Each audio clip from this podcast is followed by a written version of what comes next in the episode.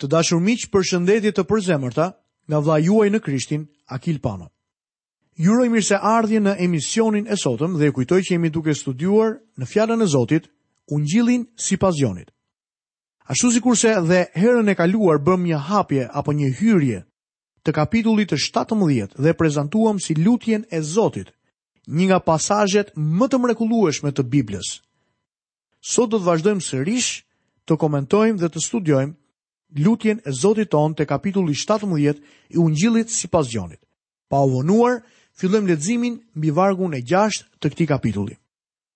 Unë ia kam dëftuar emrin tënd njerëzve që ti m'i ke dhënë.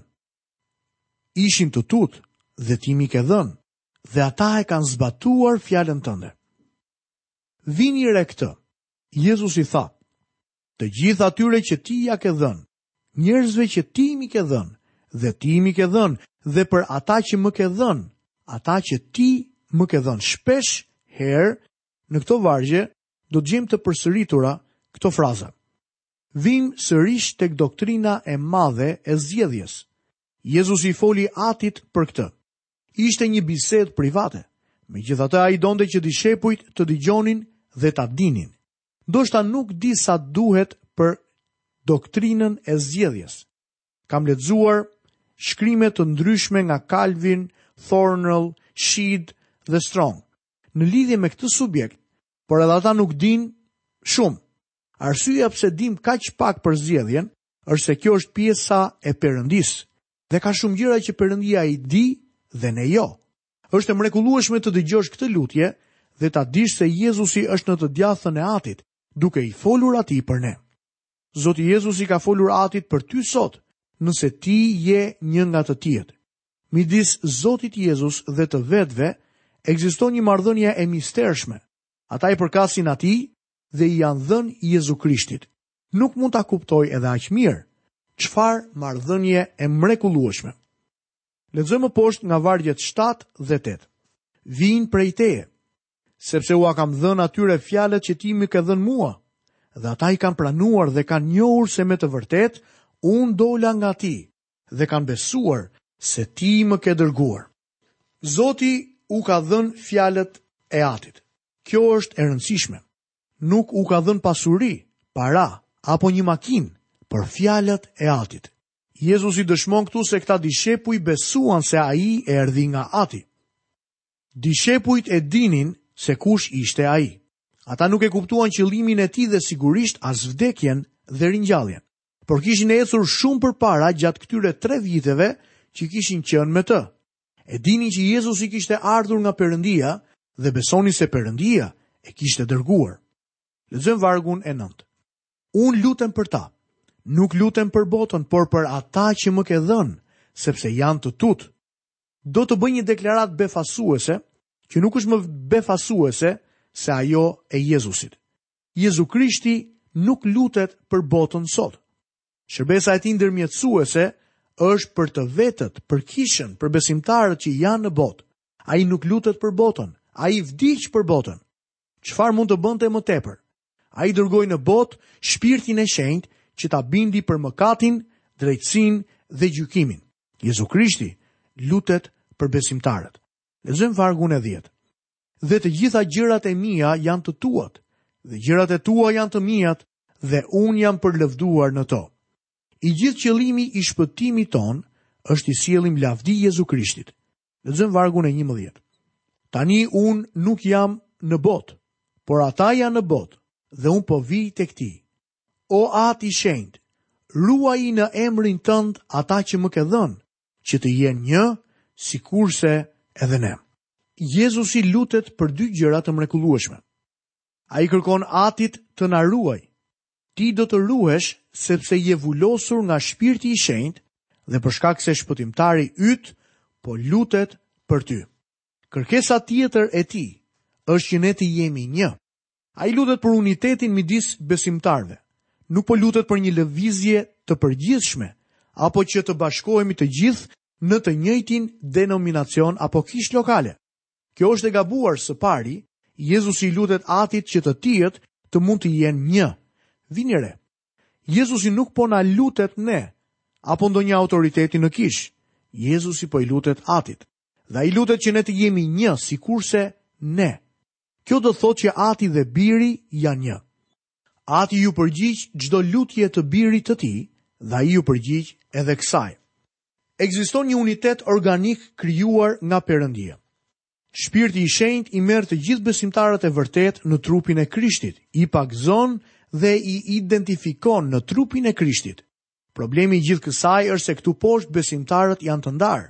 Por ekziston vetëm një kishë e vërtetë dhe çdo besimtar në Jezu Krishtin është një anëtar i kësaj kishe. Ajo quhet trupi i Krishtit. Lexojmë vargun 12. Kur isha me ata në botë, unë i kam ruajtur në emrin tënd. Unë i kam ruajtur ata që ti më ke dhënë dhe askush nga ata nuk ka humbur përveç birit të humbjes që të përmbushej shkrimi. Ata që ti m'i ke dhënë. Përsëri përmendet zgjedhja. Ka disa gjëra për të cilat besoj se nuk janë kontradiktore, por paradoksale. Zgjedhja dhe vullneti i lirë, mendoj se është një prej tyre. Do të doja të më kishit takuar, kur sapo mora diplomën. Atëherë isha djalë i zgjuar dhe madje mund t'u përgjigjesha pyetjeve për zgjedhjen dhe vullnetin e lirë, por tani mendoj se jam më i arsyeshëm se atëherë dhe kam kuptuar që ne thjesht nuk e kuptojmë këtë çështje. Juda Iskarioti është biri i humbjes. Ai përmbushi profecinë në lidhje me të. Lexojmë vargun e 13. Por tani unë po vij tek ti dhe i them këto gjëra në botë që gëzimi im të bëhet i plotë në ta. Miqtë e mi, Perëndia nuk do që ne të rrimë me turinj të varur si të krishterë solemnë. Jezusi erdhi që jetët tona të mund të mbushen me gëzim, gëzimin e tij. Shohim më poshtë vargun 14. Unë u kam dhënë atyre fjalën tënde, dhe bota i ka urryer sepse nuk janë prej botës, ashtu siç edhe unë nuk jam prej botës. Fjala e Zotit sjell probleme sot në botë. Bibla është libri më revolucionar në botë. Është revolucionar sepse të mëson që nuk mund ta shpëtosh veten. Vetëm Krishti mund të të shpëtojë. Ti nuk mund ta bësh këtë botë më të mirë. Vetëm Jezu Krishti mund ta bëjë. Kjo është revolucionare dhe bota nuk dëshiron ta dëgjojë. Atyre u pëlqen më shumë të mbjellin disa lule dhe të përpiqen të pastrojnë ndotjen. Problemi është që ndotja ndodhet në zemrën e njeriut. Lexojmë vargun e 15. Unë nuk kërkoj që ti t'i heqësh nga bota, por që t'i mbrosh nga i ligu. Sërish është interesante të vësh re se Jezusi nuk lutet që ne të hiqemi nga bota. Perëndia merr lavdi duke na mbajtur sot në botë. Ne mendojmë për rrëmbimin si për diçka të mrekullueshme dhe në fakt do të jetë e tillë. Mendojmë se do t'i sjellë lavdi Perëndisë dhe në fakt ashtu do të jetë. Por le të kuptojmë një gjë. Perëndia merr lavdi duke na mbajtur sot në botë. Nëse do të më njihnit ashtu siç më njeh Perëndia, atëherë do të kuptonit që është një mrekulli për Zotin që më mban në botë. Ne kërkojmë rrëmbimin e kishës. Tek zbulesa 22 vargu 17 thuhet se shpirti dhe nusja thonë, Eja. Por Jezusi lutet që ne të mos hiqemi nga bota, por që të mbrohemi nga i ligu, satani. Nuk do të kisha qëndruar këtu në tokë për asnjë moment nëse Zoti nuk do të më ruante nga i ligu. A nuk do të ishte e mrekullueshme nëse do të mësonim nga ky mësim? Ne thërrasim dhe rënkojmë, ankohemi sepse gjërat janë kaq të vështira këtu poshtë. Sigurisht që janë. Ai tha se do të jenë të vështira, por merrni zemër, Unë e munda botën. Ndonjëherë imagjinoj sikur në qiell, çdo 24 orë bëhet një takim i madh haleluja dhe engjëjt thonë. A nuk është e mrekullueshme që Akili atje poshtë po ruhet ende? Do të ishte e lehtë ta merrje nga bota, por është një mrekulli e vërtetë ta mbash në botë. Nëse do të mësonim këtë do ta kishim më të lehtë për t'i duruar problemet, tensionet, vështirësitë dhe tundimet. Zoti Jezus u lut të na mbante në botë dhe që Ati të na mbronte nga i ligu. Dhe në të vërtetë, lutjet e Jezusit gjithmonë kanë përgjigje. Është duke funksionuar dhe do të funksionojë gjithmonë. Lexojmë vargun e 16. Ata nuk janë nga bota sikurse unë jam nga bota. Sa më shumë kuptojmë këtë si besimtarë, aq më plotësisht e përmbushim vullnetin dhe qëllimin e Zotit në jetën tonë. Lexojmë vargun e 17. Jezusi vazhdon lutjen e tij dhe thotë: Shenjtëroji në të vërtetën tënde, fjala jote është e vërteta. Fjala shenjtërim do të thotë ndarje. Besimtari megjithëse është në botë, ai është i ndarë mënjanë. Mendimi i referohet detyrës më tepër se sa personit. Ndaj detyrës ekziston një përkushtim. Besimtari është i ndarë mënjanë nga Fjala e Zotit. Kjo do të thotë që Fjala zbulon mendjen e Zotit. Ndërkohë që lexon Fjalën, e ndan veten mënjanë për një shërbesë të veçantë. Ne mund t'i shërbejmë Atij vetëm nëse njohim Fjalën e Tij dhe jemi të bindur ndaj saj. Lexojmë vargjet tetëmbëdhjetë dhe nëntëmbëdhjetë. Sikurse ti më ke dërguar mua në botë, po ashtu unë i kam dërguar ata në botë. Dhe unë për ta po shenjtëroj vetveten, që edhe ata të jenë të shenjtëruar në të vërtetë. Ne kemi ardhur në botë për të dhënë dëshmi. Jezusi u nda mënjanë për t'u identifikuar me ne, dhe ne duhet të identifikohemi me të në këtë botë. Jezusi lutet për kishën e tij. Lexojmë për këtë gjë vargun e 20 në kapitullin e 17 të Gjonit. Tani unë nuk lutem vetëm për ta, por edhe për ata që do të besojnë në mua me anë të fjalës së tyre. Jezusi më kishte mua dhe ty në mendjen e tij kur thotë këto fjalë. Tani shumë shekuj më vonë, ne mund ta dimë që kryeprifti ynë i lartë lutet për ne. Lexojmë vargun 21. Që të gjithë të jenë një, ashtu siç ti, o Atë, je në mua dhe unë në ty, dhe ata të jenë një në ne, që bota të besojë se ti më ke dërguar. Kjo lutje është përgjigjur, kisha është një organizëm i gjallë në unitet. Besimtarët janë një në krishtin sepse kisha është një trup, pavarësisht nga fakti që mund të ketë me miliona kisha lokale në mbarë botën, Në sytë e Zotit ekziston një kishë, një nuse, një trup. Në momentin që çdo mëkatar i beson Krishtit, futet në trupin e tij. Nëse besimtarët do të manifestonin këtë unitet në botë, atëherë bota do të ishte më e ndikuar nga Krishti. Lexojmë më poshtë vargjet 22 dhe 23. Dhe unë u kam dhënë lavdinë që më ke dhënë, që ata të jenë një ashtu siç ne jemi një. Unë jam në ta dhe ti në mua, që të jenë të përsosur në unitet, dhe që bota të njohë që ti më ke dërguar, që i ke dashur ashtu siç më ke dashur mua. Jezusi lutet në këtë mënyrë, unë në ta dhe ti në mua. Sa e mrekullueshme. Vetëm shpirti i Perëndisë mund ta përmbushë këtë gjë. Uniteti që ekziston midis Atit dhe Birit është uniteti që ekziston edhe midis besimtarit dhe Zotit Jezu Krisht. dhe i ke dashur ashtu siç më ke dashur mua. Kjo do të thotë se Perëndia të do. Aq sa dha birin e tij Zotin Jezu Krisht. Kjo gjë të lë pa gojë. Lexojmë vargun 24. O Atë, unë dua që atje ku jam unë, të jenë me mua edhe ata që më ke dhënë, që ta shohin lavdinë time që ti më ke dhënë, sepse ti më ke dashur përpara themelimit të botës. Nëse ne do të ishim në një marrëdhënie të përsosur me të, do të ishte parajsë. Mëndoj se ky ishte qëllimi i Zotit kur krijoi njeriun. Në univers dhe në tokë ka shumë krijesa të tjera, Por Perëndia e bëri njeriun një krijesë me të cilin mund të kishte miqësi, marrëdhënie. Perëndia krijoi njeriun me vullnet të lirë, edhe pse ky i fundit mëkatoi. Ai e kërkon sërish miqësinë e tij. Secili duhet të japë kontributin e tij për të sjellë të tjerët te Krishti. Lexojmë vargun e 25. O Ati i drejtë, bota nuk të ka njohur, por unë të kam njohur, dhe këta e kanë njohur se ti më ke dërguar.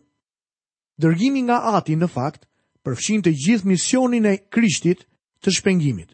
Çdo besimtar e di që Jezusi u dërgua nga Ati me qëllim që ai të vdiste në kryq për mëkatet tona. Lexojmë vargun e 26. Dhe unë i kam bërë të njohur emrin tënd dhe do të bëj ta njohin akoma, që dashuria me të cilën ti më ke dashur mua të jetë në ta dhe unë në ta. Gjëja e fundit që përmendi ishte që dashuria e tij të ishte në zemrat dhe jetët tona. Ne flasin shumë për hirin dhe për besimin, por Perëndia dëshiron që dashuria e tij të manifestohet në jetët e atyre që shpengoi. Kjo duhet të na përulë përpara Zotit. Miku im, sa pjesë e dashurisë së Tij është e manifestuar në ty? Si përmbledhje, ja se ç'do të thotë kjo lutje për besimtarët dhe botën. Besimtarët i janë dhënë Krishtit nga kjo botë, vargu i gjashtë. Ata janë lënë në botë, vargu njëmbëdhjetë. Ata nuk janë nga bota, vargu 14. Bota i urren, vargu 14 sërish. Ata janë të mbrojtur nga i ligu, vargu 15, ata janë të dërguar në botë, vargu i 18 dhe vargu 23, ata duhet të shfaqin unitet përpara botës. Ndërsa këto janë kërkesat që Krishti ka për dishepujt. Kur ai i lutet Atit, ai kërkon që Ati të bëjë këto gjëra. Së pari, ruajtje, Së dyti, gëzim, dhe kjo do të vijë përmes plotësisë së Shpirtit të Shenjtë. Së treti, çlirim nga i ligu. Së katërti, të ndahen mënjanë, të shenjtërohen. Së pesti, unitet, të jenë një, kjo nuk do të thotë shoqatë. Së gjashti, miqësi, të jenë me Krishtin, të kenë një marrëdhënie të sinqertë dhe konstante me Zotin. Së shtati, Kënaqësi, të mund të shikojnë lavdinë time, tha Jezusi. Zoti Jezu Krisht është kryeprifti ynë i madh. Kjo është e vërteta e madhe e letrës së Hebrenjve. Në strukturën e Testamentit të Vjetër, kryeprifti vishte një efod lavdie dhe bukurie, që bashkohej në supe nga dy gurë oniksi, në të cilët ndodheshin të gdhendura emrat e fiseve të Izraelit. Në këtë mënyrë ai mbarte emrat e bijve të Izraelit kur hynte në prezencën e Zotit. Kjo flet për forcën dhe fuqinë e kryepriftit. Letra drejtuar hebrejve, kapitulli 7 vargu 25, na tregon për Jezu Krishtin si kryepriftin tonë. Prandaj, edhe mund të shpëtojë plotësisht ata që me anë të tij i afrohen Perëndisë, sepse gjithmonë rron që të ndërmjetësojë për ta. I dashur mik, Krishti është i aftë të na shpëtojë. Ai ka gjithë forcën dhe fuqinë. Në parzmoren e kryepriftit ishin dymbëdhjetë gurë të çmuar, të renditur tre në secilin rresht dhe katër rreshta mbi gjoksin e tij. Në secilin prej tyre ndodhej emri i një fisi të Izraelit. Kur kryeprifti shkonte në prezencën e Zotit, duke mbajtur këtë parzmore, paraqiste Zotin Jezu Krisht që është në të djathtën e Atit dhe ndërmjetëson për ne. Zoti jo vetëm që na mban mbi supet e tij, që është vendi i forcës dhe i fuqisë, por edhe mbi gjoksin e tij, zemrën e tij që simbolizon dashurinë e tij. Jezusi ka gjithnjë fuqinë dhe ai na do. A nuk është e mrekullueshme që të studiojmë fjalën e Zotit? Jam kaq mirënjohës që së bashku përgjatë këtyre minutave Kemi studiuar në kapitullin e shtatëmbëdhjetë lutjen e Zotit. Ju kujtoj që në emisionin e ardhshëm do të fillojmë studimin tonë mbi kapitullin e tetëmbëdhjetë të Ungjillit sipas Gjonit dhe temat e këtij kapitulli do të jenë arrestimi dhe gjyqi i Jezusit, arrestimi në Getsemane, gjyqi përpara Ananias, mohimi i parë i Simon Pjetrit, gjyqi përpara kryepriftit dhe gjyqi përpara Pilatit. Deri atëherë, nga vëllai juaj në Krishtin Akil Pano, paçi të gjitha bekimet e Perëndisë, hirin dhe paqen e tij në jetën tuaj. Bashkë mirudëgjofshim në emisionin e ardhshëm.